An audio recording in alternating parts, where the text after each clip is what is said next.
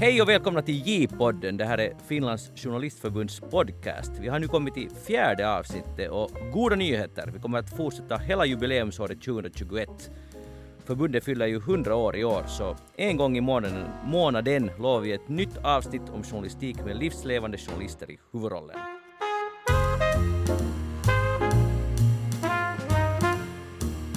Jag heter Magnus Lundén och idag ska vi prata om journalister som börjar fabulera, som medvetet avviker från löften om att skildra verkligheten och istället skriver skönlitterärt. Varför i fridens namn gör man så? Hur har man råd, moraliskt och ekonomiskt? Och för alla er som vill prova att vandra längs den här mörka och farliga stigen ska vi förhoppningsvis bjuda på goda råd. I studion har vi, eller egentligen i Mariehamn har vi först Karin Erlandsson, välkommen med. Tack ska du ha. Det där, berätta så här korthet uh, vem du är som journalist och inte som författare. Eh, jag är utbildad litteraturvetare från början okay. och för 2005 så började jag på Nya Åland på ett sommarvik. Jag hade just lärt mig skriva vetenskapligt så jag visste att, att man liksom skulle komma till själva poängen till sist. Så att jag fick verkligen lära mig direkt att nej, nyheten ska vara först. Mitt första rep var eh, simskola börjar. Okay. Sen jobbade jag på Nya Åland i 13 år, eh, fick fast tjänst. Jag var kulturredaktör, jag var chefredaktör några månader till och med. Det höll ja, på att bli no. mera har jag lärt mig i din bok.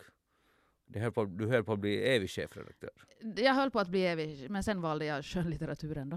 Okej, okay, men är du journalist eller är du författare? Jag skulle nog säga idag att jag är både och. Faktiskt, journalist, det kändes som att jag lärde mig det till sist, journalistyrke. Och, och jag hade jättesvårt att sluta, för jag trivdes så jättebra på jobbet. Mm. Till sist måste jag på något sätt välja att jag, jag kunde inte begära mer tjänstledigt för att skriva skönlitterärt. Okej, okay, vi kommer komma tillbaka till det där.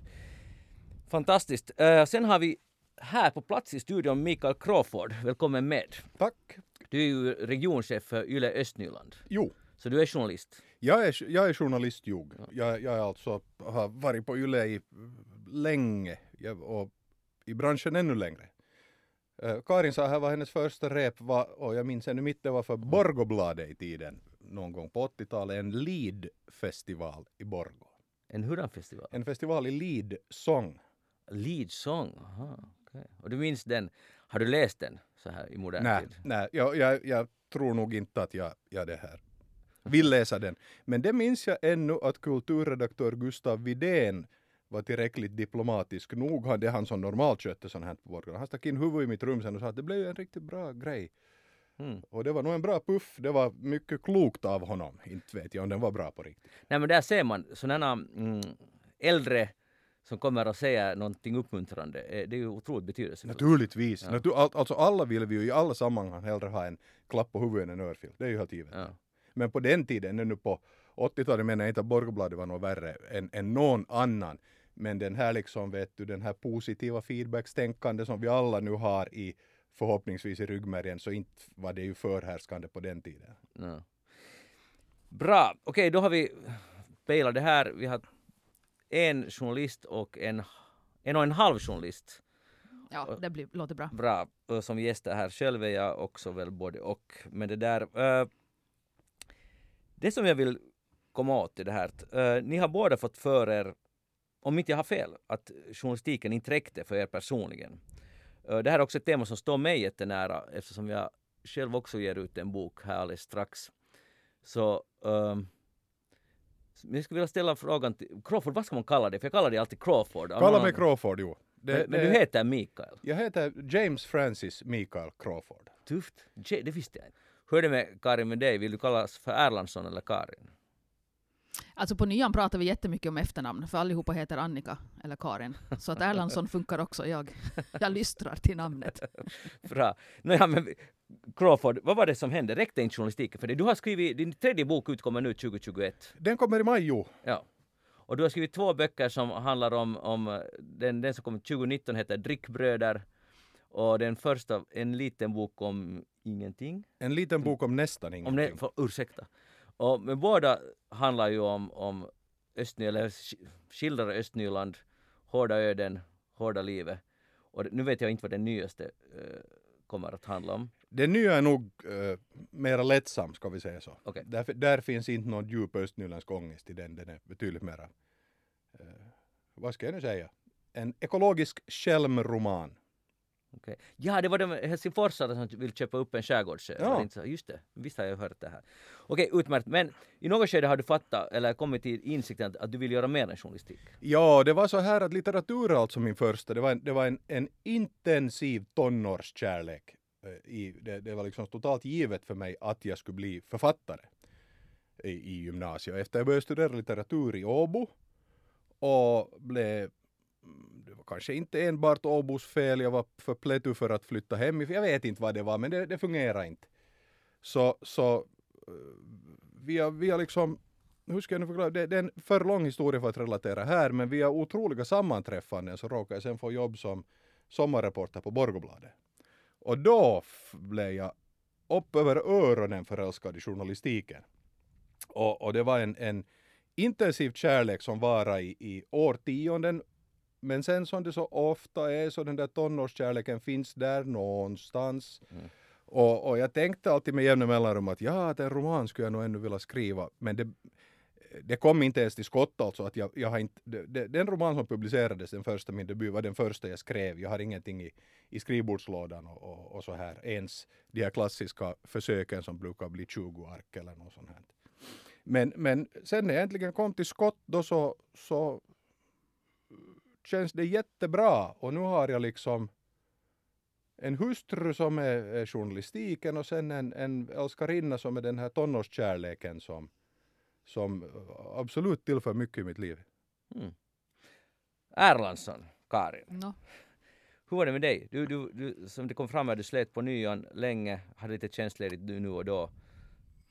Men, men precis som Crawford säger så, så var litteraturen mitt förstahandsval och jag såg på något, jag har alltid sett mig själv som författare också innan jag eh, började jobba på nian. Jag höll, höll redan då på att skriva Min krike som blev min debutroman. Eh, så att eh, det var liksom ett sätt att få in pengar först, eh, journalistiken.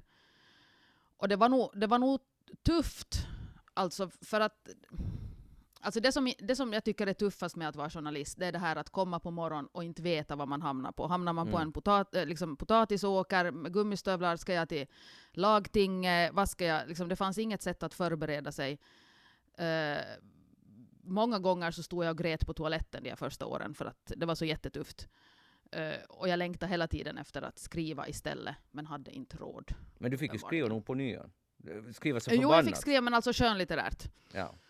Och, och, man har inte så mycket ändå kapacitet att skriva skönlitterärt efter att ha äh, rapporterat om tryffelhundar och sånt här hela dagen.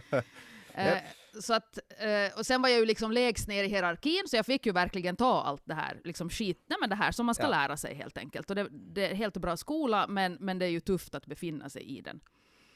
Men sen efter lite utbrändhet och sådant, och sen blev jag också kulturredaktör, vilket helt förändrade liksom min, min... För då fick jag ju vi har bara en kulturmänniska på Nya Åland, så att, så att jag var ju både liksom praktikant och, och chef för mig, mig, själv. Men då fick jag ju bestämma över min dag själv. Mm. Och då pass, det passade mig väldigt mycket bättre. Och sen kände jag ju också att det här kan jag. Eh, det här är mitt område. Mm. Och vid det laget hade jag ju jobbat sju år som sån här skräpjournalist. Så då hade jag liksom lärt mig, lärt mig hantverket också, och så satt jag bara kultur till. Eh, och då blev det jätteroligt. Uh, så det var nog en väldigt uh, tuff... Uh, liksom, det, var, det var tufft att bli journalist, men när jag väl hade blivit det så var det ett fantastiskt jobb.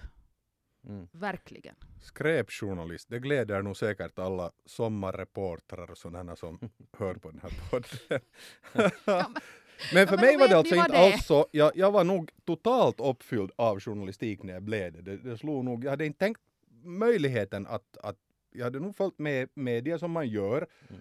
Som, men, men det här, sen är det, den här sommaren på Borgobladet, det var nog en, en fantastisk ögonöppnare.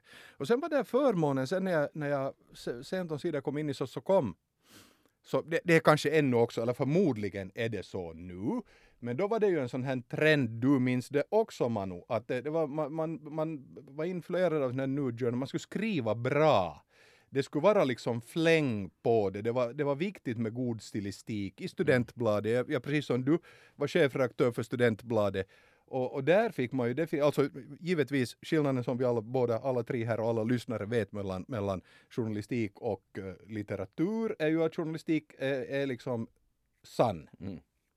Men man, medan man fabulerar. Men, men annars så, så hörde det till att man skulle stilistiskt ta ut svängarna så mycket som möjligt i den där texten man skrev. Mm. Det gjorde jag ju sen givetvis inte på som uh, skräpjournalist på YLE när jag började jobba där som inhoppare och sommarreporter. Men i alla fall, där fanns den möjligheten. Man, där, där fanns ju den att koppla ihop dem. Men jag ska nog säga att då var jag nog helt hundraprocentigt journalist och mm. uh, de här, uh, den här liksom tonårskärleken började göra sig påminn först 20-30 år senare. Mm. Men, men vad är det med, med varför räcker inte verkligheten? Det finns ganska, verkligheten är ganska otrolig, det som utspelar sig varje dag. Mirakulös, galen, sjuk. Ja, men jag, jag, tänker på det här att jag sa skräpjournalistik och sen insåg jag ju samtidigt att det är nu riktigt taskigt mot alla de jag har intervjuat. För att för dem var det ju inte skräp, utan för dem var det jätteviktigt. Uh, och och det säger ju någonting dessvärre om mig som människa om jag tyckte att det, och på något sätt kanske var det, var det som förändrades också, att när jag insåg att att verkligheten är ju nog helt tillräcklig för en journalist. Uh, att de här historierna finns verkligen där. Och tryffelhundar är en, en faktiskt intressant sak. Mm. Så att um, jag blir lite sådär, ja, räcker inte verkligheten? Jag håller egentligen med. Uh, men det är ju samtidigt som att säga att, att inte konst skulle behövas, för det är ju, det är ju all sorts uh, uh, utvidgning av verkligheten ja. som i så fall uh, Men upplevde du personligen att, att verkligheten är tråkig? Du, vill, för du har ju skrivit mycket fantasy. Uh, mm. och vilket ju inte på det sättet förankrat i verkligheten. Att upplevde att du ville fly dit, du ville liksom upptäcka något helt annat än det du ser i Mariehamn eller Åland varje dag? Uh, nej, alltså jag skriver skönlitterärt så är det alltid bara det är liksom känslan jag är ute efter. Så hittar jag på en roshaj så vill jag egentligen beskriva hur hemskt det är att simma om en haj skulle komma. Och då måste jag hitta på ett hot. Uh, och de här känslorna finns det ju inte riktigt mycket plats för i dagsjournalistiken ändå. Mm. Att, uh, och det är nog det som jag kanske mera saknar än själva verkligheten. Att beskriva och att träffa liksom läsaren på ett känslomässigt plan och inte ett uh, informationsfaktaplan. Och det har man ju också förstås möjlighet i personporträtt och, och sånt här, men mm, ja. Men Crawford, jag är lite inne på det som du skrev, för jag tycker att det, där finns på, kanske nyckeln. Eller det var du sa just, att du, du talar om, om, låt oss kalla det gonzo-journalistik, eller att skriva med en otroligt stark stilistik, journalistik, alltså som är ändå baserat på verkligheten jag tycker själv att nu har jag skrivit en skön, skönlitterär bok och det har varit, det var ljuvligt, härligt, ungefär det bästa jag gjort. Men samtidigt så är det lite som ett bakslag. I det avseendet att, att har man möjligtvis, jag är nu 52, vad är du? Äldre. Du är, är 56. Äldre, 56. Karin är, det vet jag inte. Yngre. Yngre, bra. Okej, okay, uh, att är det ett misslyckande att man inte mera får kicks av verkligheten? Att, kan, kan det vara så? För du har, dina böcker skildrar i princip lite verklighet men också är det ju fabulering, de här två första i alla fall. Det är liksom kanske en, en, ett, en hybrid. Nej, nu är de, nu är de alltså den där första var ju, var ju delvis äh, självbiografi. Alltså ja. det, var, det var saker som he, hade hänt i, i min hemby när jag var barn och ung. Men den andra är ju totalt mm. fiktion. Mm den är kanske liksom precis som alla författare att du vet huvudpersonerna kan vara kombinat av, av olika man träffar. Men det här som du säger om verkligheten så inte vet jag nu, alltså nu dels rent personligen så hade jag ju varit chef i, i många år när jag skrev min första bok och, och därmed inte fått utlopp för, för liksom, jag, in, som chef så skrev jag ju väldigt lite, någon kolumn kanske här och där. Så för mig var det nog närmast det att rent konkret komma åt och, och, och skriva och få liksom mm. uttryck, uttrycka mig och så här. Men jag har inte tänkt på det här med att verkligheten inte, inte skulle räcka men äh, Men jag måste nog säga, om jag får, jag måste nog säga med det här med att, att inte verkligheten ger kicks, det håller jag liksom inte ens med om. Inte Nej, var det därför heller. jag, nej, inte var det därför jag liksom slutade uh, vara journalist. Tvärtom har jag försökt, jag skriver fortfarande, jag gör just nu en artikelserie för Nya Åland för att jag får, igår intervjuade jag en kvinna, eh, har varit hög ända sen, alltså för att det var så fantastiskt. Ja. Så att inte, inte slutade jag alls vara hög på journalistik, få en kick av journalistiken, utan Nej, inte heller. Eh, det var mera liksom en, en tidsbrist och sen att, att jag ville skriva ännu mer. Alltså det, det fanns tid på, på resten av dagen att fortsätta skriva. Ja, i mitt fall var det ju dessutom sen, det var inte något jag tänkte på då, men då började barnen vara så gamla att jag hade mera tid för mig själv till Mm. exempel, rent Mm. konkret. Så att andra köper motorcykel och jag skrev romaner. Nej, men, men ni, ni förstår vad jag menar, att det var många saker som spelade in. Och, och, och jag minns inte konkret när den här idén kom att nu om jag då skulle försöka skriva en, en roman. Men, men det hade nog inte att göra med så jag upplever att verkligheten inte skulle vara tillräckligt. Nej. Journalistiken ger mig nog fortfarande mycket kicks. Ja, Fantastiskt, Exakt. det är bra. Jag, jag, jag, vill bara, jag ville ställa den här provokativa frågan för att kolla hur ni upplever det. Du hade lite dåligt samvete så vill jag att ni tycker väl som jag att Ja, verkligheten... nu, nu, nu är du ägd. jag är he- helt ägd totalt. Det där, eh, har ni gått på skrivarkurser för att, för att kunna skriva skönlitterärt? Aldrig. Skulle du vilja gå? Nej. Varför inte? Jag, ju äldre jag blir desto sämre fungerar jag i grupp. Och, och eh, all heder åt skrivarkurser. Bra att de finns, bra att de ordnas. Jag är säker på att de hjälper många människor. De är bara inte för mig. Karin? Eh, jag gick ganska mycket som yngre då jag gick gymnasiet och sånt. Eh, och sen gick jag Åbo Akademins, de hade en sån här litterär eh, utbildning. Litterär gestaltning hette den, tvåårig. Eh, som, alltså det var helger, det var inte så att man gick heltid. Eh, det gick jag 2002 och sen dess tror jag inte jag har gått en skrivarkurs. Nå, dels, alltså faktiskt, journalistiken är ju en daglig skrivarkurs. Till exempel eh, dialoger som annars många författare har svårt med Mm. så är ju det, ju det är ju enda man sitter och gör dagligen som journalist, att, att få folk att prata naturligt. Mm. Och det är ju, det är ju en otrolig eh, lärdom. Det är en bra point. Eh, och sen, eh, sen tycker jag också att det finns, alltså inte, inte skriver man ju böcker på skrivarkurser. Det går en gräns när man är sådär att nu, nu egentligen är, är de här skrivarkurserna också bara en ursäkt för att inte ta tag i romanen. Mm. Där får man vara lite försiktig ifall man faktiskt har eh, längre projektambitioner. Så har man en ledig helg så inte skulle jag nu säga att man ska gå en skrivarkurs då och sitta och lyssna på andras texter, utan då ska man ju skriva sina egna. Ja, och ändå ordnas det mer skrivarkurser säkert än någonsin. Det är ja, men jag, jag tycker superpopulärt. att det är bra. Det finns ju bevis i, det, det är många publicerade författare som säger att den här skrivarkursen var det, och det är jättebra. Ja. Inte nå. Jag undrar också, att kan man, jag funderar på det där att man kan ju tydligen nog lära sig att skriva. Förstås, och man blir ju bättre genom att skriva. Hoppas jag i alla fall. Men jag kommer ihåg när jag skrev min första reportagebok som då var baserad på verkligheten. Så då fick jag ju panik mitt i boken. Att det här var skit. Att det här funkar inte. Och så började jag läsa att hur skriver man en reportagebok. Och då först fick jag panik. För då märkte jag att jag hade brutit liksom mot alla de så kallade reglerna. Så, så efter det så fick jag en sån här mm, känsla att det inte lönar sig att försöka teoretiskt lära sig. Istället bli inspirerad av andra. Man kan ju läsa, det är ju det bästa sättet att läsa andra och, och få idéer och, och ah, så där kan man lösa det. Men jag tror inte själv heller så mycket på, på kurser. Ja, men alltså, Ja. Det, det bevisligen fungerar de ju så för ju. folk. Det. Eh, Jag har heller aldrig läst en bok om hur man ska skriva. Alltså, när jag började skriva min roman så började jag skriva min roman. That's it. Mm. Jag, jag försökte inte ens ha, ha någon teoretisk bakgrund eller något att falla tillbaka på.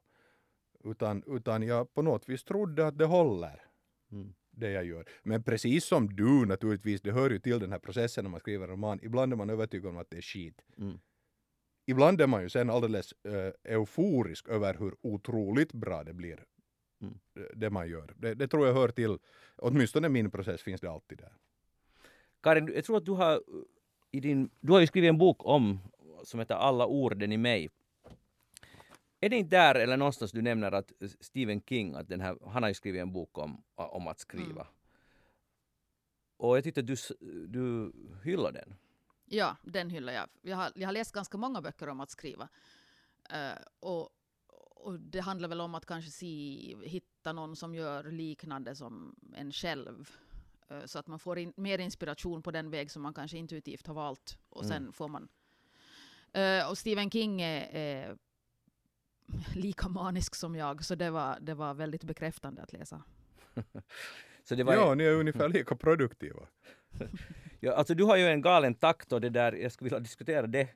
Um, du har en ganska osentimental inställning till skrivande. Uh, du talar ofta om ett visst antal ord per dag eller per månad och, och du har det där projektet med tre böcker på ett år och i en intervju så har du sagt så här, du hade just fått arbetsstipendium och ska vara tjänstledig från nyon så säger du så här.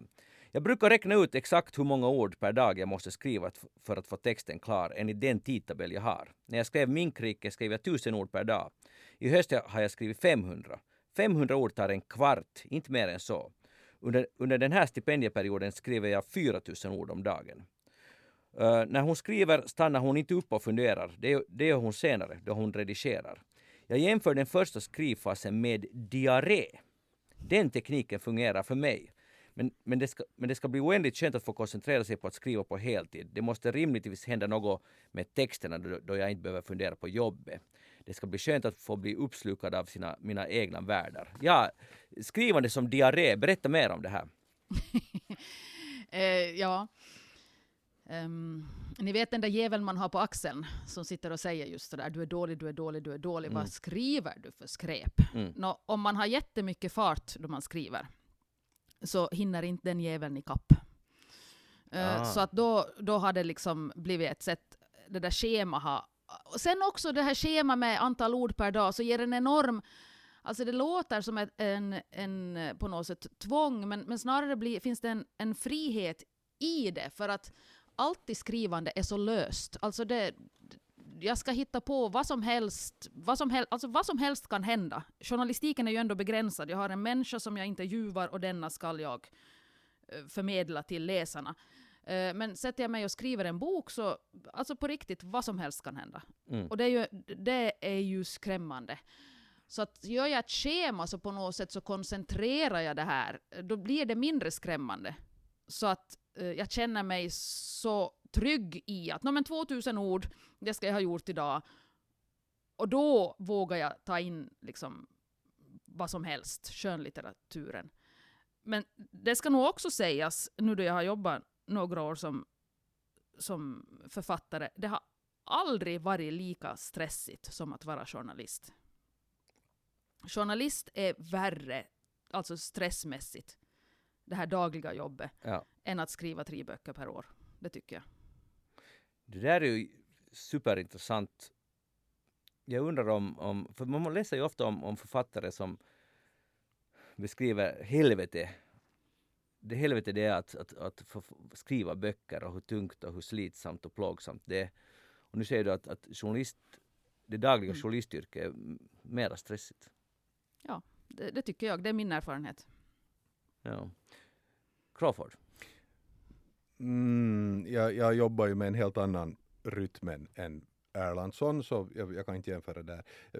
Men det är jag ju helt övertygad om att man behöver en rutin. Mm. Det, det, tror jag är någon, en, en klåp som, som journalister som, som ska skriva en roman ofta gör, att de tänker att när jag skriver nu när andan faller på att jag har den någorlunda klar i huvudet och så, så dör det ut förr eller senare. Så jag har också definitivt en, en rutin hur jag skriver.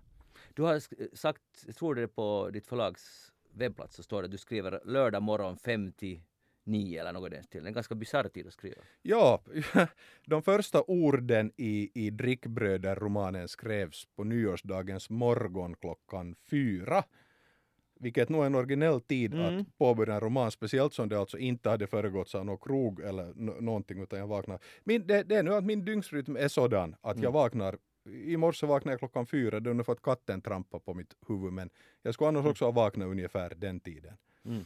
Och, och, jo, precis så här är det. Alltså under veckan går jag och funderar. Sen är det lördag morgon uh, ungefär klockan fem knäpper jag på datorn och så skriver jag, mitt, mitt mål har varit att skriva ungefär fem ark eh, på lördag och eller söndag. Det har nästan aldrig blivit mera än det, för att alltså min, min stubin, jag är ju diagnostiserad ADHD, så min stubin är totalt för kort för att skriva eh, som jag antar att du Karin gör, eller att, att ha vet ni det här arbetsrummet och jobba enligt någon slags kontorstid. Det, det skulle jag förmodligen uppleva som helvetiskt. Men två timmar, tre timmar, men, men det blev precis varje lördag morgon, precis varje söndag morgon. Det kunde då bli kanske tre ark eller fem ark mm. i en sittning. Men, men, har du samma system som Karin, att allt ut bara och sen redigerar du starkt efteråt? Ja, alltså Ja, nej, jag redigerar inte ens starkt efteråt. utan utan eh, den processen för mig börjar nog först när, när eh, med min förlagsredaktör Martin, eh, han sen, till exempel i den här Drickbröder så var det nog en hel del som jag blev tvungen att skriva om och romanen blev bättre tack vare det. Mm. Eh, men annars är det nog ganska så att det är liksom i, det, det som finns där. Nu, nu den här som, som ska komma i maj till exempel, där är betydligt färre, verkligt lite ändringar i förlaget. Så den är nog ungefär skriven i så att säga en sittning. Mm. Men det är ju tredje boken. Ja. Det, ja. det kanske påverkar. Eller garanterat påverkar det. Karin, ditt system är ju jättesam matematiskt. Jag, jag, jag tilltalas av det här massor uh, mm. antal ord och sådär. Och samtidigt blir jag sådär lite, um, jag funderar bara att känns det som en vilket det ju är en prestation, ett prestationskrav. Men om det, det funkar tydligen för dig att, att du måste så att säga prestera eller få nedskrivet i din diarré sådär många tecken eller ord per dag, per vecka, per månad. Ja, men det, alltså jag tänker också, det här kommer ju också från journalistiken, att mm. man har uh, Endera har man dragits dit för att man älskar deadliner eller också så har man lärt sig, blivit skarpt fostrad i deadlines-tänke. Uh, så egentligen är det ju det jag skapar åt mig själv. Precis. Uh, deadliner. Och, och det är ju liksom sen... Ibland blir jag lite förvånad över att, att jag får ofta gnälla mig till deadliner uh, av mina redaktörer för att jag, jag vill Ja, exakt. Jag har ett samma. Jag förstår. Ja? Ja. Jag, alltså, jag, jag, jag har liksom nästan kallat till ett möte. Jag vill ha ett möte där kan ni snälla ge deadlines åt mig att jag kestar inte det här att det är så flytande hela tiden. Exakt, ja, ja men alltså precis. menar ni med deadline då när ni ska lämna in ja, ert manus? Klara anvisningar att 15 april ska det här vara klart. Sen har du tre veckor exakt och inte en sekund tid att redigera. Sen mm, mm, och sen händer det och det då och då. Mm. Och det här, alltså jag, jag nästan, jag vill inte skriva mer om inte jag får nästa gång en sån här lista i mitt face. Så ni, ni, alltså ni, ni saknar er gamla goda nyhetschef som skriker att var är texten? Ja, ja, ja absolut. Alltid. Men, men för att gå tillbaka... Skulle du kunna vara så här ställföreträdande? Du, du ja, ja. Eh, no, ja, ja, ja, nu skulle jag ju Om vi betalar? Kunna, naturligtvis. Ja. Nej, bara av, av livets och konst. Det är roligt ja. att skrika åt reportrar. Jag tycker det är det bästa jag vet.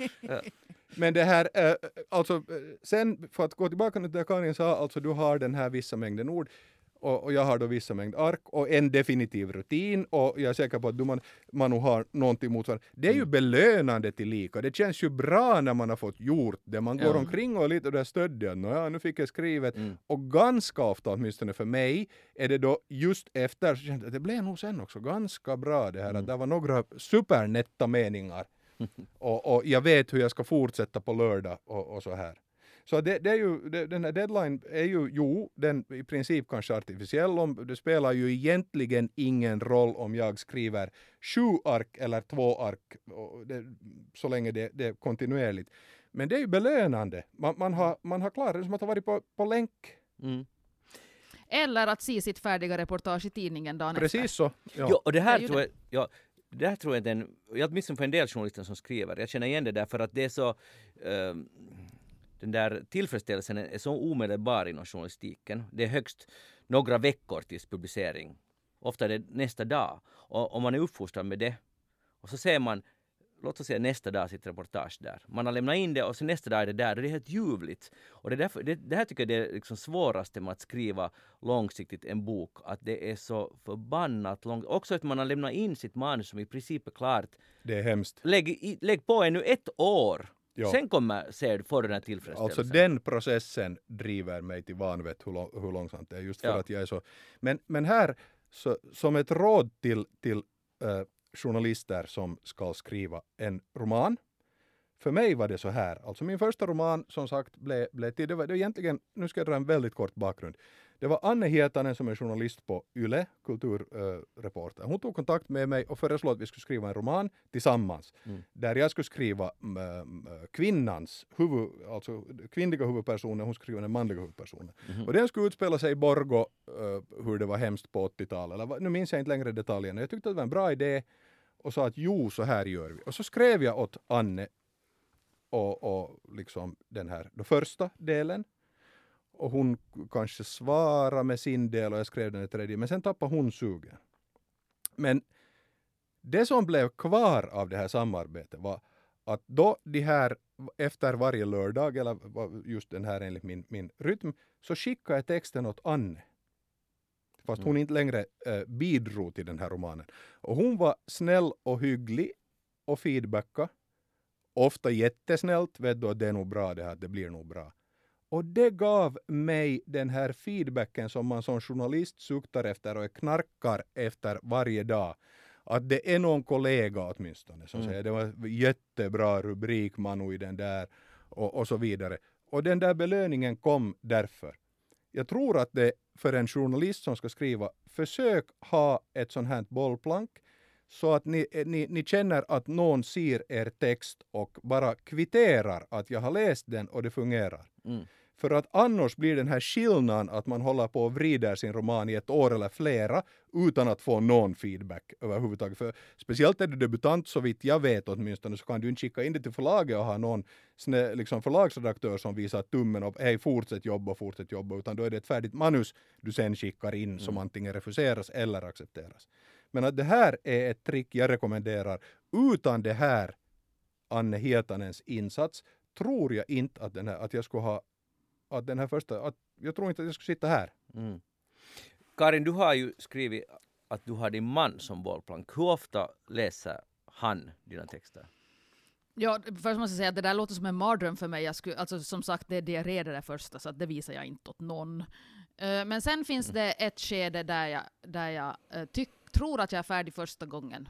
Och då kommer min man in i bilden. Mm -hmm. och då, då är nog dealen den att han ska uteslutande berömma. Det Aha. är inte läge då att han ska komma med, han, han har inte alls den rollen, utan han ska jubla och tycka det här är fantastiskt, för just då är jag sådär, Nåja, sårbar. Det här är bra. Ja, ja, sårbar men också sådär ganska övertygad om att det här är nu det bästa som någonsin har skapats. Okej, okay, så det är lite sån en, mm, det är lite en chimär på ett sätt, det är egentligen inte riktig feedback. Eh, nej, nej, nej, nej, det är mera bekräftelse. Alltså det, det är just kanske jag får det där som jag saknar då med dagligdags eh, journalistik. Mm. Och sen måste jag säga att, att med journalistiken så får man ju, åtminstone jag har fått Folk hör ju sällan av sig om det är bra. Det är ju nog mera sådär att mitt namn stavas inte på det där sättet Exakt. och ja. du har ett stavfel i ingressen och man själv ser att nej, nej, nej, nu har jag fel bildtext. Så att ofta var det ju en väldigt nedslående, eh, som säkert också är fostrande. Att man bara säger, ja det här blir ju skit, nu fortsätter vi bara. Mm. Ja, så är det ju, men, men samtidigt när man, man publicerar en roman så är man ju betydligt mer sårbar. För att, att man, så, speciellt som nyhetsjournalist så jobbar man ju på en nyhetsfabrik. Och så får man källor då när, ibland är det, är det ju helt motiverade källor till och med. Men då kommer den här goda bekräftelsen sen, precis alltså som Karin säger, väldigt sällan får man ju beröm som journalist av, av läsare. Men det finns kanske den här kollegan eller någon som säger bra rubrik. Så man kommer tillbaka upp på topp sen igen mycket hastigt. Man, man kastar liksom ut, man, man, man kastas till vargarna så igen nästa dag så man har inte tid att och så mycket dväljas över de källor man får. Nej exakt, för det showen måste gå vidare så det, ja. man hinner ju inte ens fundera hemskt mycket.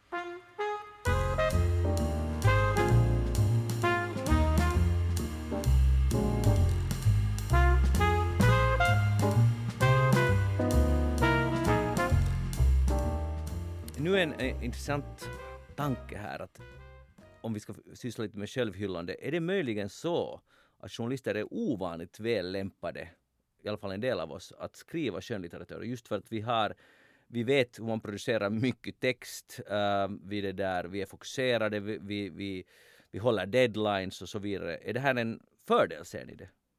Ja, alltså jag ser eh, bara fördelar med alltså det börjar ju som ett jag måste få in pengar jobb, men sen slutar med att det här är världens bästa skola för att bli författare.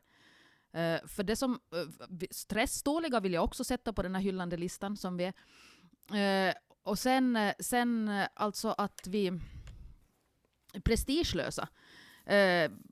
Mm. Aha, rubriken är en annan än den jag satte för att det passar inte in med liksom sidmallen och Eh, någon har ändrat lite där och sådär fast man har gått hem för kvällen. Inte kan man hålla på och älta det. Det här är liksom inte ens innersta på något sätt. Utan nu, nu, och, och det har nog varit jättebra då man får sen eh, feedback från sina redaktörer. Att jag, har inte, jag tar inte på det sättet eh, ja, prestigelös helt enkelt. Ja, mm. ja, det här blir nog bättre som de säger, det har de rätt i, och så ändrar jag det. det och så och det tror jag är bra, att inte man sitter, alltså som journalist så sitter man ju, det är ju på det sättet motsatsen till, man sitter ju, eh, man ska ju inte hylla sig själv, utan man ska ju lyfta fram en annan. Och det är karaktärsdanande. Jättekar det är bra. Du menar att när man som journalist skriver man ju om andra, eller hur, hur menar Ja, precis. Ja. Och eh, som författare så har jag ju bara mig mm. själv att utgå från, så det blir väldigt sen då motsatsen till det. Att allt handlar om mig och jag tror att efter några år så isolerad som författare så, så är nog risken, jag är rädd för att gå in i någon slags sån väldigt självupptagen bubbla. Mm. Medan som journalist så ska jag ju uh, helt sätta mig själv åt sidan och berätta någon annans berättelse. Mm. Och det är bra. Crawford, jag tror att, och jag är inte bombsäker på det, och det är säkert inte så enkelt heller, men jag tror att en del författare, sådana som, som inte har varit journalister eller, eller är journalister, kan tycka att journalister som skriver skönlitterärt, litterärt, att det kan bli det finns risk att det blir för ytligt, det, det, de är egentligen journalister, de vet inte vad riktigt skrivande är och så vidare. Känner du dig alls träffad om du får sån här kritik? Nej, inte överhuvudtaget. Vad va, va, va ska jag bry mig om någon, någon riktig författare inom citationstecken nu tycker att det jag till exempel då gör är för mm. ytligt. Det är ju läsaren som avgör det. Uh, jag har nog inte upplevt det här så, som du säger. Eh, mm. Jag, jag, måste säga att det här... Karin, men, Karin har du upplevt något, en sån här inställning mot dig i början? Nej, aldrig. Så det kanske inte alls finns? Mm, kanske. Ja, det, det skulle vara det bästa. Jag, jag, jag upplever nog jag är inte inne i den finlandssvenska litterära scenen. Jag upplever mig inte vara inne. Det kan, mm. kan, kan, ha att göra med att jag var för gammal när jag kom med min debut. Uh, jag vet inte ens om det finns en egentlig litteraturscen. Jag, jag tänker nu på det här då när man enligt vad vi har hört berättas så satt man på Kosmos tidigare författarna och, och så är som Pressklubben ungefär. Mm, mm. Jag vet inte om den finns, jag är i alla fall inte en del av den, men jag upplever nog absolut att jag har blivit liksom verkligt väl bemött av, av de författare jag har träffat på, man träffar, ni, ni, vet det här, man träffas på mässor och bokmässor och litteraturdagar och sånt här. Nej, inte, inte har jag, nej nej, det, det, här har jag nog inte upplevt. De döljer det bra i så fall, de här liksom riktiga författarna. Jag är inte jag säker, alltså det var bara en tanke. Kanske det, kanske det är bara inbildning. Uh, No, har, du, har du sådana upplevelser? Nej, nej, jag kan nog inte säga att jag har det heller alls. Tvärtom ja. egentligen så tycker jag, jag tycker att författargänget är ganska nog inkluderande. Det tycker jag absolut. Ja, hyggliga ja. människor. Men, men det som jag upplever att det finns en annan inställning till text och till skrivande än hos journalister, men det är en annan sak. Men det var vi redan inne på. Och jag kan ibland uh, bli lite förvånad över hur länge det ska ta att skriva en roman. Alltså det här, det här handlar ju om det här deadline-tänket som vi just var inne. Att, att, att det är okej okay att det tar tre år. Och det är ju okej, okay. jag menar världen är fri, det är helt okej okay, men att jag tycker själv skulle jag inte kunna leva riktigt i den verkligheten att jag tycker att ett år personligen tycker att det är liksom absolut maxat. På ett år hinner man göra otroliga saker. Uh, men, men det är bara personligen vad jag tycker. Ja, det är ju individuellt. Alltså, precis som du säger, visst får det ju ta hur länge som helst att skriva en roman, så länge ja. den blir bra. Men, Men att, att jag har nu heller aldrig, jag tror inte att någon har det här. Du har mycket förutfattade meningar. Jag, jag vill bolla det mer. Alltså jag tror inte att någon i dagens värld sitter och har såna progge-idéer. Det vill säga att, att, att, att, skriva en roman måste ta x år, annars är det inte mm. bra. Karin, du, du är ju nu rätt person att svara på det här. Du, du har gått ut med tre böcker på ett år. Uh, Men svaret fått... finns ju där. Svaret finns i det som ni har pratat om, för att inte sitter jag ju och väntar på... Jag skriver, börjar ju skriva nästa bok ja. direkt. Jag skickar in första versionen av ett, så börjar jag skriva nästa, och sen kan man ha flera olika processer. Alltså det är så olika att ha... Att just skapa den här världen, den här, det tycker jag är värst. Att, att på något sätt första gången helt igenom. Uh, det är en skrivprocess. Sen är redigering en annan skrivprocess, och det här kan man ha pågående parallellt. Mm. Uh, så man behöver ju inte vänta på den här förlagets långsamma takt, utan man kan ju själv uh, skapa sin egen takt. Det här är någonting jag har dragit mig för. Jag, jag, är på något vis rädd att börja mm. skriva mm. på något nytt medan jag ännu håller på och, och filar på, jag vet inte varför, mm. men, men så här har jag fungerat. Och just med den här olidligt långsamma processen att en bok från att du har lämnat in ditt manus tills den finns i, ja. i så har jag nog upplevt som, äh, som besvärande. Jag, jag, skulle vilja gå vidare till nästa. Kanske jag borde börja pröva som du Karin, men, men Gör det. jag har inte vågat. Nej, jo, jo, du vågar. Ja. Det klarar du av hur bra som helst. Det är ju som att ha två reportage på gång samtidigt. Nu klarar du det. Jag, jag förstår Crawford, för jag är lite samma, lite rädd att är det lite fräckt mot den där första verket och, och, kan man splittra sig sådär. Men det är intressant för att jag tycker man splittrar sig annars också med allt möjligt. Jag menar, du, du har ju ditt journalistyrke och, och, så nu är du ändå splittrad. Så varför ska man inte kunna köra Karins linje här? Säkert kan ja. man. Ah, man, sen, kan, man sen, kan vara som helst, folk är olika. Ja. Det är olika på olika båtar. Alltså ett flow smittar av sig på det andra flowet också. Mm. Så att har man haft en bra redigeringsrunda så skriver man bättre sen också på romanen. Så att, nästa rom, så att ja, jag rekommenderar det nog. Men en sak om skrivande ska vi diskutera. Tapani Ritamäki som är förläggare på förlaget M, han, han har skrivit en kolumn i HBL här helt nyligen. Han skriver så här.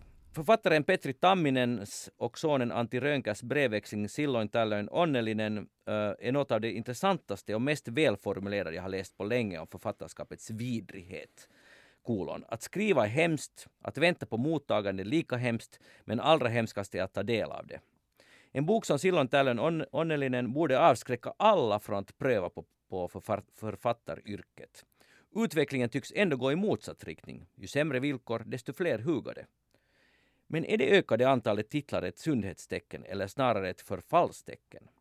Sett ur yrkesförfattarens synvinkel och yrkesförlagens är mångfald nödvändigt men resurserna per bok minskar med ökad utgivning. Någonstans borta vid framtidshorisonten ser jag en hägring, kolon. Alla skriver och ingen läser. Inte ens förläggarna.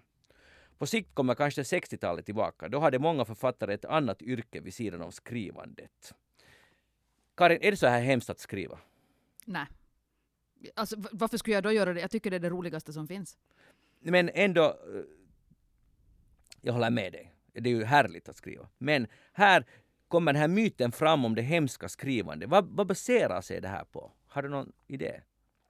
Nej, alltså jag har absolut... Jag läste också den där kolumnen och var alldeles förbryllad. Uh, för att... Nej. Och sen det där med, vadå tillbaka till 60-talet där författaren måste ha ett uh, parallellt yrke. De flesta har ju det. Ja. Uh, nu idag. så jag tyckte att den där var ganska uh, verklighetsfrånvänd överhuvudtaget, den där kolumnen. Crawford? Ja, jag, jag håller helt med. Jag känner inte igen mig process, skrivprocessen är, är ju precis fantastisk. Det här att skapande processen mm. är fantastiskt, otroligt tillfredsställande. Att, att, att känna kreativitet och få det sen ner, nerpräntat ännu redan i fysisk form. Mm. Så nej, jag håller, inte, jag håller inte alls med. Då är vi tre. Ja, och sen, alltså jag tänker det kan, klart det finns enskilda dagar och timmar som är vidriga då man inte får det att funka. Eh, men det, det är ju självklart, så är det ju med alla jobb. Mm. Men som helhet är ju skrivande fantastiskt. Mm. Eh, och det är därför jag gör det. Och naturligtvis finns det ju sen vånda med recensioner och så här. Det är ju hemskt. Jo, ja, ja, alltså, ja. nu, nu pratar jag igen bara om mig själv, men jag tror att det gäller många. När man läser en recension om det, om det, det beröms och så står det någonting, en mening om att det var fungerar nu inte så bra. Så nu är det ju den man kommer ihåg. Och det är ju också, det är bra att du är medveten om det, jag tror att det gäller ju alla, men tänk att vi är så. Att tänk att man är så där, det är lite känsligt. Men vi är ju alla såna, jag, jag förstår precis vad du menar. Men det är ju egentligen lite löjligt. Det är löjligt, naturligtvis är det löjligt.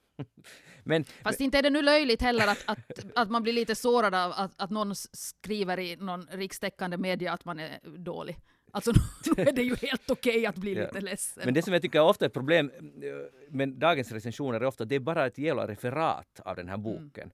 Och jag har nu läst mycket recensioner senaste halvåret för jag är lite nyfiken. Hur funkar de egentligen? Och allt oftare, det finns inga åsikter eller analys utan det är bara att det här händer i boken. Det tycker jag inte heller är så strångt. Men sen, samtidigt blir, blir man ju olycklig om det kommer för mycket dissande. Det är ju inte heller så roligt. Inte vet jag, inte håller Alltså, ja det varierar nog. Jag läser naturligtvis recensioner precis som, mm. som du, de varierar. Direkt refererande, ja säkert. Men den, sämsta, den, den sämsta recension, alltså jag menar den där recensenten har gjort sitt sämsta jobb var från min första roman, den var bara citat från romanen. Ja, det, är en, det är ännu mycket svagare, det håller jag med om. Ja. Vad är det för idé? Jag, jag förstår inte. Det, det, var liksom det var på riktigt 90 procent, 70-80 procent den recensionen var bara citat. Det, det skulle antagligen illustrera hur den där romanen är. Bra jobbat där. Men de bästa recensionerna är ju de här, alltså där jag skrev Legenden om ögonstenar med, med fyra delar. Så var det i tror jag, recensionen av trean så räknades det upp att det här är ju sånt som man borde få svar på. Och jag tog listan rakt av och såg till att det fanns svar på det i fyran. Smart. Så det, det var mycket konstruktivt. ja, men det är ju bra. Men, men, men varifrån tror ni den här... För jag, alltså jag, jag medger ärligt att jag är fascinerad av det här att det ska vara hemskt att skriva och det är så plågsamt. Att va, vad, vad bottnar det egentligen i? För att ändå... De är inte journalister, det är det. Är det så? Tapani som skrev, han har ju skrivit kolumner och visst har han ju varit journalist på Ny Tid och allt så inte, ja. inte, ju, inte ju så heller. Men jag undrar om han, har, om han lyfter för mycket upp de här ögonblicken av vånda som vi ju säger också att det finns. Mm. Jag vet inte. För jag blir liksom på det sättet ledsen att, eller inte blir jag nu ledsen på riktigt, men för att, för att jag tycker det är en bra sak att också journalister prövar på att skriva skönlitterärt litterärt eller reportage eller vad som helst, faktaböcker. Och att på något sätt försöka, det här är ju inte en direkt skrämsel, men det är helt onödigt att skriva om hur hemskt det är att skriva. Jag tycker det är helt meningslöst. Nu märker jag ju om det är för hemskt så slutar man ju. Det är det jag inte förstår, att om någonting är hemskt det, det, man måste ju inte skriva. Ja, men det här är den skapande konstnären förstår du vars, vars ja. inre drift att skriva är så hård att han hon mm. trots att det smärtar så, så, så tvingas pränta ner de här orden på pergamentet. Mm. Det, och där kommer journalisten invandrade som en glad liten ja. figur och tycker nej men det här var väl skojseligt. Ja. Och har inga konstnärliga ambitioner whatsoever. Och, och det, det här är lite menar, alltså när jag menar att, att finns det en, en, någon form av skillnad eller klyfta mellan journalister som skriver skönlitterärt och författare som är heltidsförfattare, just den här, att kan det uppstå en sån här situation, det var kanske det jag lite syftar på. Och jag tror att det kan uppstå det och jag tror inte att det inte är något det kan vara en bra sak, det kan vara lite konstigt ibland och så vidare. Men, men jag tror att det finns en sån skillnad. Ja men alltså det där ju potentiellt finns. Ja. Är att, att jag som journalist som jobbar heltid som journalist och som skriver böcker. Mm. Så fast min, min, min, min nästa min, refuseras eller jag blir utan uh, stipendier och så här så uh, har jag fortfarande en, en grillkorv att trä på spett efter bastun. Det, det vill säga min utkomst är inte, är inte fast. Mm i att eh, jag får böcker publicerat. Mm. Men någon som då jobbar eh, för, jag menar i princip alla, men, men för vilken, då menar jag om du är heltidsförfattare och inte har någon annan utkomst, så då är det ju viktigt. Karin, du har ju tagit steget ut och du är mm. helt beroende på dina stipendieansökningar som din man skriver och du har fått massor av priser dessutom och sen förstås royalty. Så mm. är det här en väg du rekommenderar för folk att gå all in? Nej, äh, jo, men det finns ju nog alltså. Jag jobbade parallellt som journalist och författare i fem år kanske. Mm. Uh, levde på uh, lönen, satte undan alla pengar jag tjänade som författare. Så jag sa ju inte upp mig förrän jag hade en rejäl buffert för att jag ville inte hamna i den där, eh, den där eh, stipendie eh, absoluta tvånget. Eh, så på det sättet så, så rekommenderar jag ju det, men inte, inte rekommenderar jag. Jag tror att, eller det insåg jag tidigt, att, att alla författare, eh, man, man liksom har endera för ont om tid eller för ont om pengar. Och har man för ont om tid så kan man styra över det själv. Jag kan skriva på kvällar och nätter. Men har man för ont om pengar så, så kan man faktiskt inte styra det själv. Så då, så, så då jobbar jag alltså parallellt och, och jobba som författare kvällar och helger och spara pengarna på det. Mm. Det där, när ni skriver skönlitteratur litteratur, så hur har det påverkat er journalistik? Jag vill ta upp, upp en sak som äh, Karin, du har skrivit här i Alla orden i mig, sid 115, så skriver du så här. Du är på ett äh, debutantseminarium på Biskops Arnö. Det där, och så skriver du så här. Ärligt, kolon, jag känner mig så simpel. Här finns på riktigt helt löjligt kreativa människor som knappast aldrig får någon ordning på sina liv, men verkligen lever i konsten. Här finns en annan grupp som skriver otroligt bra och som verkar vara välfungerande. Och så finns det de som tar sig själva och allt på så fruktansvärt stort allvar. Och så finns det jag, som tar allt med en klackspark. De andra pratar om dikter, citat, mellan musiken och kaklet, eller citat, var man hittar språket. Eh, eh, förlåt, då andra pratar om dikter mellan musiken och kaklet eller var man hittar språket tar jag på mig en minkmössa och skriver deckare. Det är inte bara det att jag känner mig simpel. Jag vet inte om jag vill att konsten ska vara allt. Jag längtar till en mer praktisk form av kreativitet. Kreativitet, typ nyan. Så här längtar du tillbaka till journalistiken. Mitt när du är i, det är ju det här författarmecka du är på. Och så mm. tänker du på nyan, på journalistiken. Berätta. Så är det nog fortfarande. Alltså, nu väljer jag eh, eh, äh, äh, nyan fram, fram bokmässan. Liksom. att, nej, men jag tycker om den där praktiska. Äh, vi skriver, vi berättar en historia, men vi funderar inte så jättemycket på oss själva och vår egen identitet i förhållande till konsten. Jag blir väldigt Matt. Nej, alltså jag får... Blö. Jag tycker det är... alltså det är bra. Jag har varit på det där samma seminariet, inte samtidigt som du. Jag var glad att få åka, allt är bra. Men jag satt på de där föreläsningarna och jag förstod inte ett jota av vad de pratade om. Jag förstod inte något.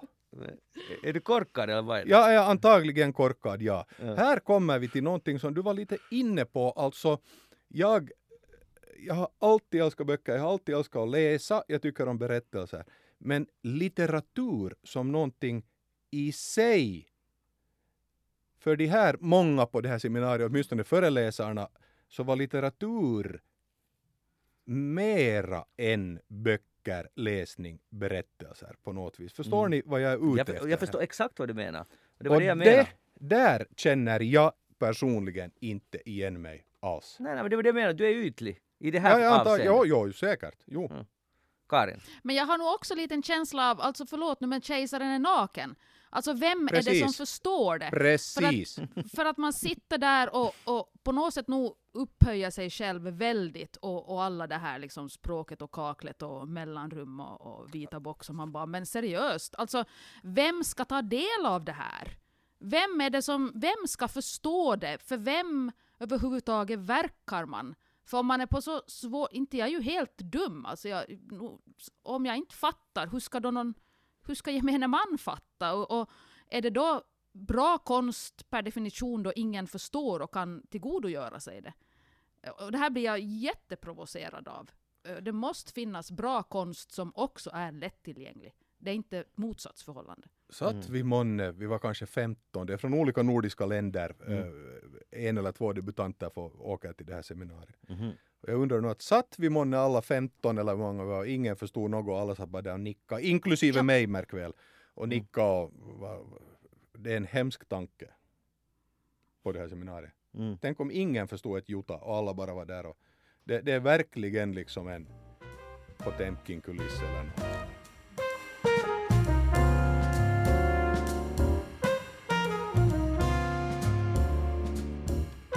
Hej, jag hade bett er att ni skulle göra, uh, tänka på goda råd ni skulle vilja ge till er själva. Förrän, du är Crawford, nu har du redan skrivit tre böcker och Karin du har skrivit, min gissning är nio, åtta? Tolv. Tolv, okej. Okay. Wow. Naja, tolv böcker. Uh, och ni nu, så, ni, ni nu som erfarna författare ger ett gott råd, eller flera goda råd, till uh, er själva när ni börjar skriva. Va, vad skulle de här råden gå ut på? Vill du Karin börja? Ja, alltså till först så, så, skrev jag mycket prydligt här i ett gammalt journalistblock. Tre lärdomar. Ett, du har nytta av allt inom journalistiken, det är inte bortkastad tid, tvärtom. Mm. Uh, sen två, och sen funderar jag, funderar jag, funderar jag, och sen så har jag faktiskt skrivit så här. Nej, jag gjorde allt rätt. Jag har inte gjort några misstag. Jag har jobbat hårt, sparat pengar, jag hade mål vad jag ville uppnå både långsiktigt och kortsiktigt. Mm. Det där är ju jättebetryggande på något sätt. Och det gäller ju inte, faktiskt ju inte, skulle jag påstå, inte bara journalistiken utan allt man har upplevt någonsin kan man använda eller har man nytta av så att säga. Jag skulle inte ge mig själv något råd utan bara, ja men det, det är bra Kör på det du bara. gör. Kör på bara. Ja, det, är det här ordnar sig. Hur är det med dig? Alltså det här med kör på bara, det är ju helt definitivt jo. Ja. Annars så kom jag ju med ett par tips ren. Det vill säga, mm. ha ett bollplank. Mm. Den, det, detta bollplank behöver inte alltså förbättra din text. Den ska bara se och ge det här att du blir sedd för. Det är den rytm du är van med som journalist. Och rutin.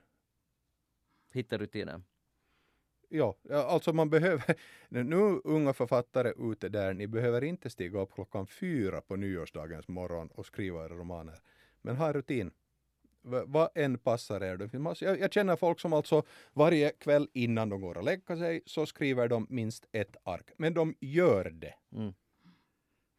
Tycker ni att ni var naiva på något sätt när ni började skriva? Hade ni någon, någon sorts föreställningar på ett eller annat sätt som inte alls infriade sig?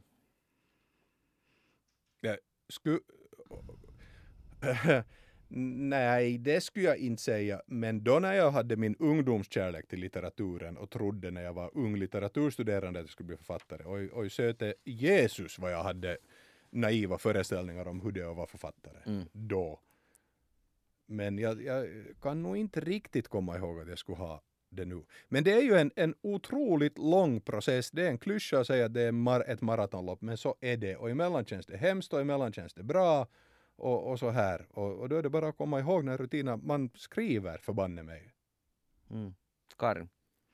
Var du nöjd? Ja, nej, alltså, det tog 15 år för mig att skriva min debutbok, så jag tror nog att jag hade jättemånga föreställningar. Och en är ju nog den här klassikern med, med inspirationen, att man på något sätt ändå tror att den ska infinna sig och det som jag gjorde sen, eh, jag blev utbränd och sen insåg jag att jag måste skriva boken på något sätt för att jag, det är författare jag det är liksom det som jag är, så att jag måste ta mig själv på så stort allvar så att jag ger den drömmen och verkligheten en, en faktiskt på riktigt chans.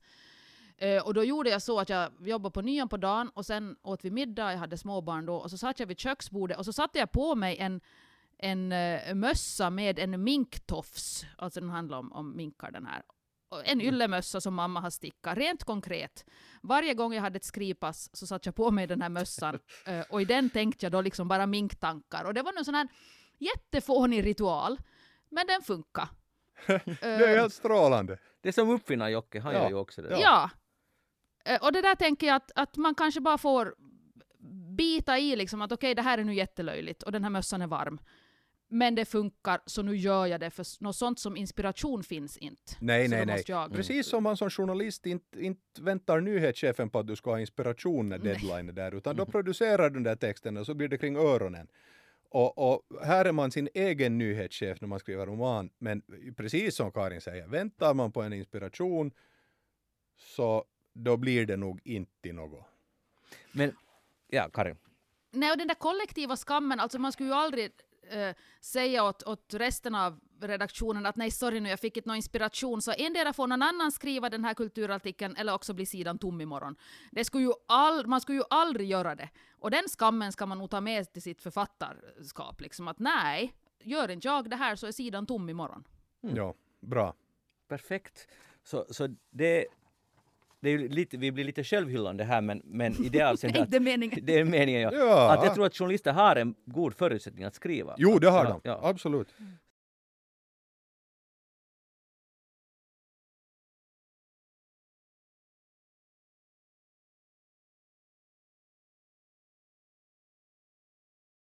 Hur, hur är det med marknadsföring? För i dagens författaryrke ingår det ju också att vilja, vilja ställa sig upp på en scen och vilja mm, sköta om sitt, sina sociala medier och kanaler och, och mm, vara lite extrovert och så här. Alla författare är inte det. Många tycker att det är obehagligt och det kan jag bra förstå. Hur ser ni på det? Jag är ju en, en hemlighet är att jag är på riktigt är enormt introvert. Jag är bara väldigt, väldigt bra på att agera extrovert. Det har Okej. delvis kommit med jobbet, men nu har, det, nu har jag alltid varit bra på det. Men när, när du pratar om de här olika framträdandena så, här, så har jag haft otroligt mycket, upplever mig, haft otroligt mycket nytta av ett slags scenvana. Mm. Som man då får som journalist för att, att som ni vet, det, det absolut jo. Mm. Karin? Nej, jag är nog extrovert så att jag trivs jättebra i de här miljöerna. Eh, riktigt frotterar mig och älskar att prata om mig själv på scenen. Eh, och det är det här jag ser lite fara, fara med på lång sikt. Att jag på riktigt tror också att alla vill lyssna. Att det är hemskt bra att ha ena benen i journalistiken där man får höra att, att man har helt misslyckats med en artikel. Det, är liksom, det tar ner en på jorden och det är bra. För jag, jag trivs verkligen där eh, i centrum och, och tycker om att marknadsföra och tycker om skolbesök och att träffa alla sorters människor. Eh, sen sen tänk, har jag också tänkt på en sak inom journalistiken, att, att då man kommer som journalist så tar man ju på något sätt in ett rum med självförtroende. Att nåja, nu kan ni börja, nu är jag här. Det är ju det man kommer, för att alla väntar liksom, ja. Mm. Och det tror jag att man också har just den här att mm, nu är jag här, nu kan vi börja. Eh, det är kanske inte så edelt, men det är bra att ha med sig. Ja, sen alltså då, då fast jag nu marrar då om min, att jag är introvert, så det är ju hemskt belönande att få prata om, om sin bok. Mm. Och att det är folk som är intresserade och orkar ta sig till något litet. Bokmässorna nu är en sak, men, men, men när du har besöker, säg då Lovisa Marta förening, och det finns folk som orkar komma dit och lyssna på det. Mm. Men jag tycker det är nästan ibland lite så här gastkramar att, att de här människorna kommer... Jag menar, jag menar inte få någon ångest, men man blir snarare kanske ödmjuk, vilket är ju helt hälsosamt. Men att, att det kommer folk som vill höra vad man har på hjärta och som har läst ens bok. Absolut. Att det är ju helt, egentligen helt otroligt. Att sånt det är helt händer. sinnesrubbat, Ja. verkligen. Ja, precis som att få läsarbrev och sånt här. Ja. Ja. Jag får inte mass, massor sådana, jag säger inte det, men nu är det ju otroligt belönande att få dem. Men att sen kan det hända så här, jag fick ehm, i somras, det här är någon som, det jag brukar få saker gjorda, men här saker jag inte fått gjord. Fick jag ett mail eh, på finska om en kvinna som hade läst min, eh, jag skrev en bok om Sibirien 1997. Mm. Och nu hade hon läst den och hon var så lycklig och tackade så mycket och hoppades att jag skulle skriva mera. Jag blev så paff av det här brevet i och med att det var liksom 20, vad blir det, 23 år sedan utgivningen. Att jag bara inte fick, jag har inte ännu heller svarat än. Och det, och det är lite, lite konstigt. Nej, alltså det där, jag har ett styrdokument Ja. för mitt författarskap, Okej. för att liksom hålla ordning på. Business på plan, ja. Ja men verkligen, ja, lite mer sådär linjedragningar och så här, att komma ihåg det här. Men det börjar med ett citat av Bob Dylan som lite har med det här att göra, att bara för att någon gillar det du gör så betyder det inte att du är skyldig dem någonting. För det där har jag ö, funderat mycket på, att då någon berömmer mig så känns det som att jag skulle måste ge så jättemycket tillbaka. Och jag Mm. vet inte vad det är jag ska ge, för jag har ju redan liksom gett min bok. Mm, Men jag blir på här tacksamhetsskuld som är faktiskt förlamande. ja. Utmärkt. Det där, hade ni en fråga till varandra, när ni som författarkollega till varandra? Det ni Ja, alltså jag, jag undrar, men jag har lite fått svar på det redan. Jag, jag tänkte när du gjorde eh, den här som börjar med pärlfiskan, så tänkte jag fråga att hade du hela storyn klar och så spjälkte du upp den eller gav liksom när du hade skrivit första delen så insåg du att hej det här tarvar ännu en del till. Nej, jag skrev Pärlfiskaren, uh, den vann en Schilds och Söderströms romanpristävling, Berättelsen är bäst, så det var, det var liksom bara en del. Och när jag hade vunnit så tänkte jag nu ska jag belöna mig själv, det här var nog bra jobbat. Att hur ska jag göra? Ska jag köpa någonting? Ska jag resa någonstans? Och sen bara, nej, jag skriver tre delar till, det är den bästa belöningen. För det har varit så roligt att skriva Men den. då visste du att det skulle bli tre delar till? Ja, då visste jag redan att, att det skulle bli tre delar. Och de skrev jag sen liksom på, på ett brede på något sätt. För att jag märkte redan då att attans också, den här i pärlfiskaren så finns det massor med, alltså jag skulle vilja ändra saker och sätta in ledtrådar och allt sånt här. Och den var ju låst, den hade redan kommit ut.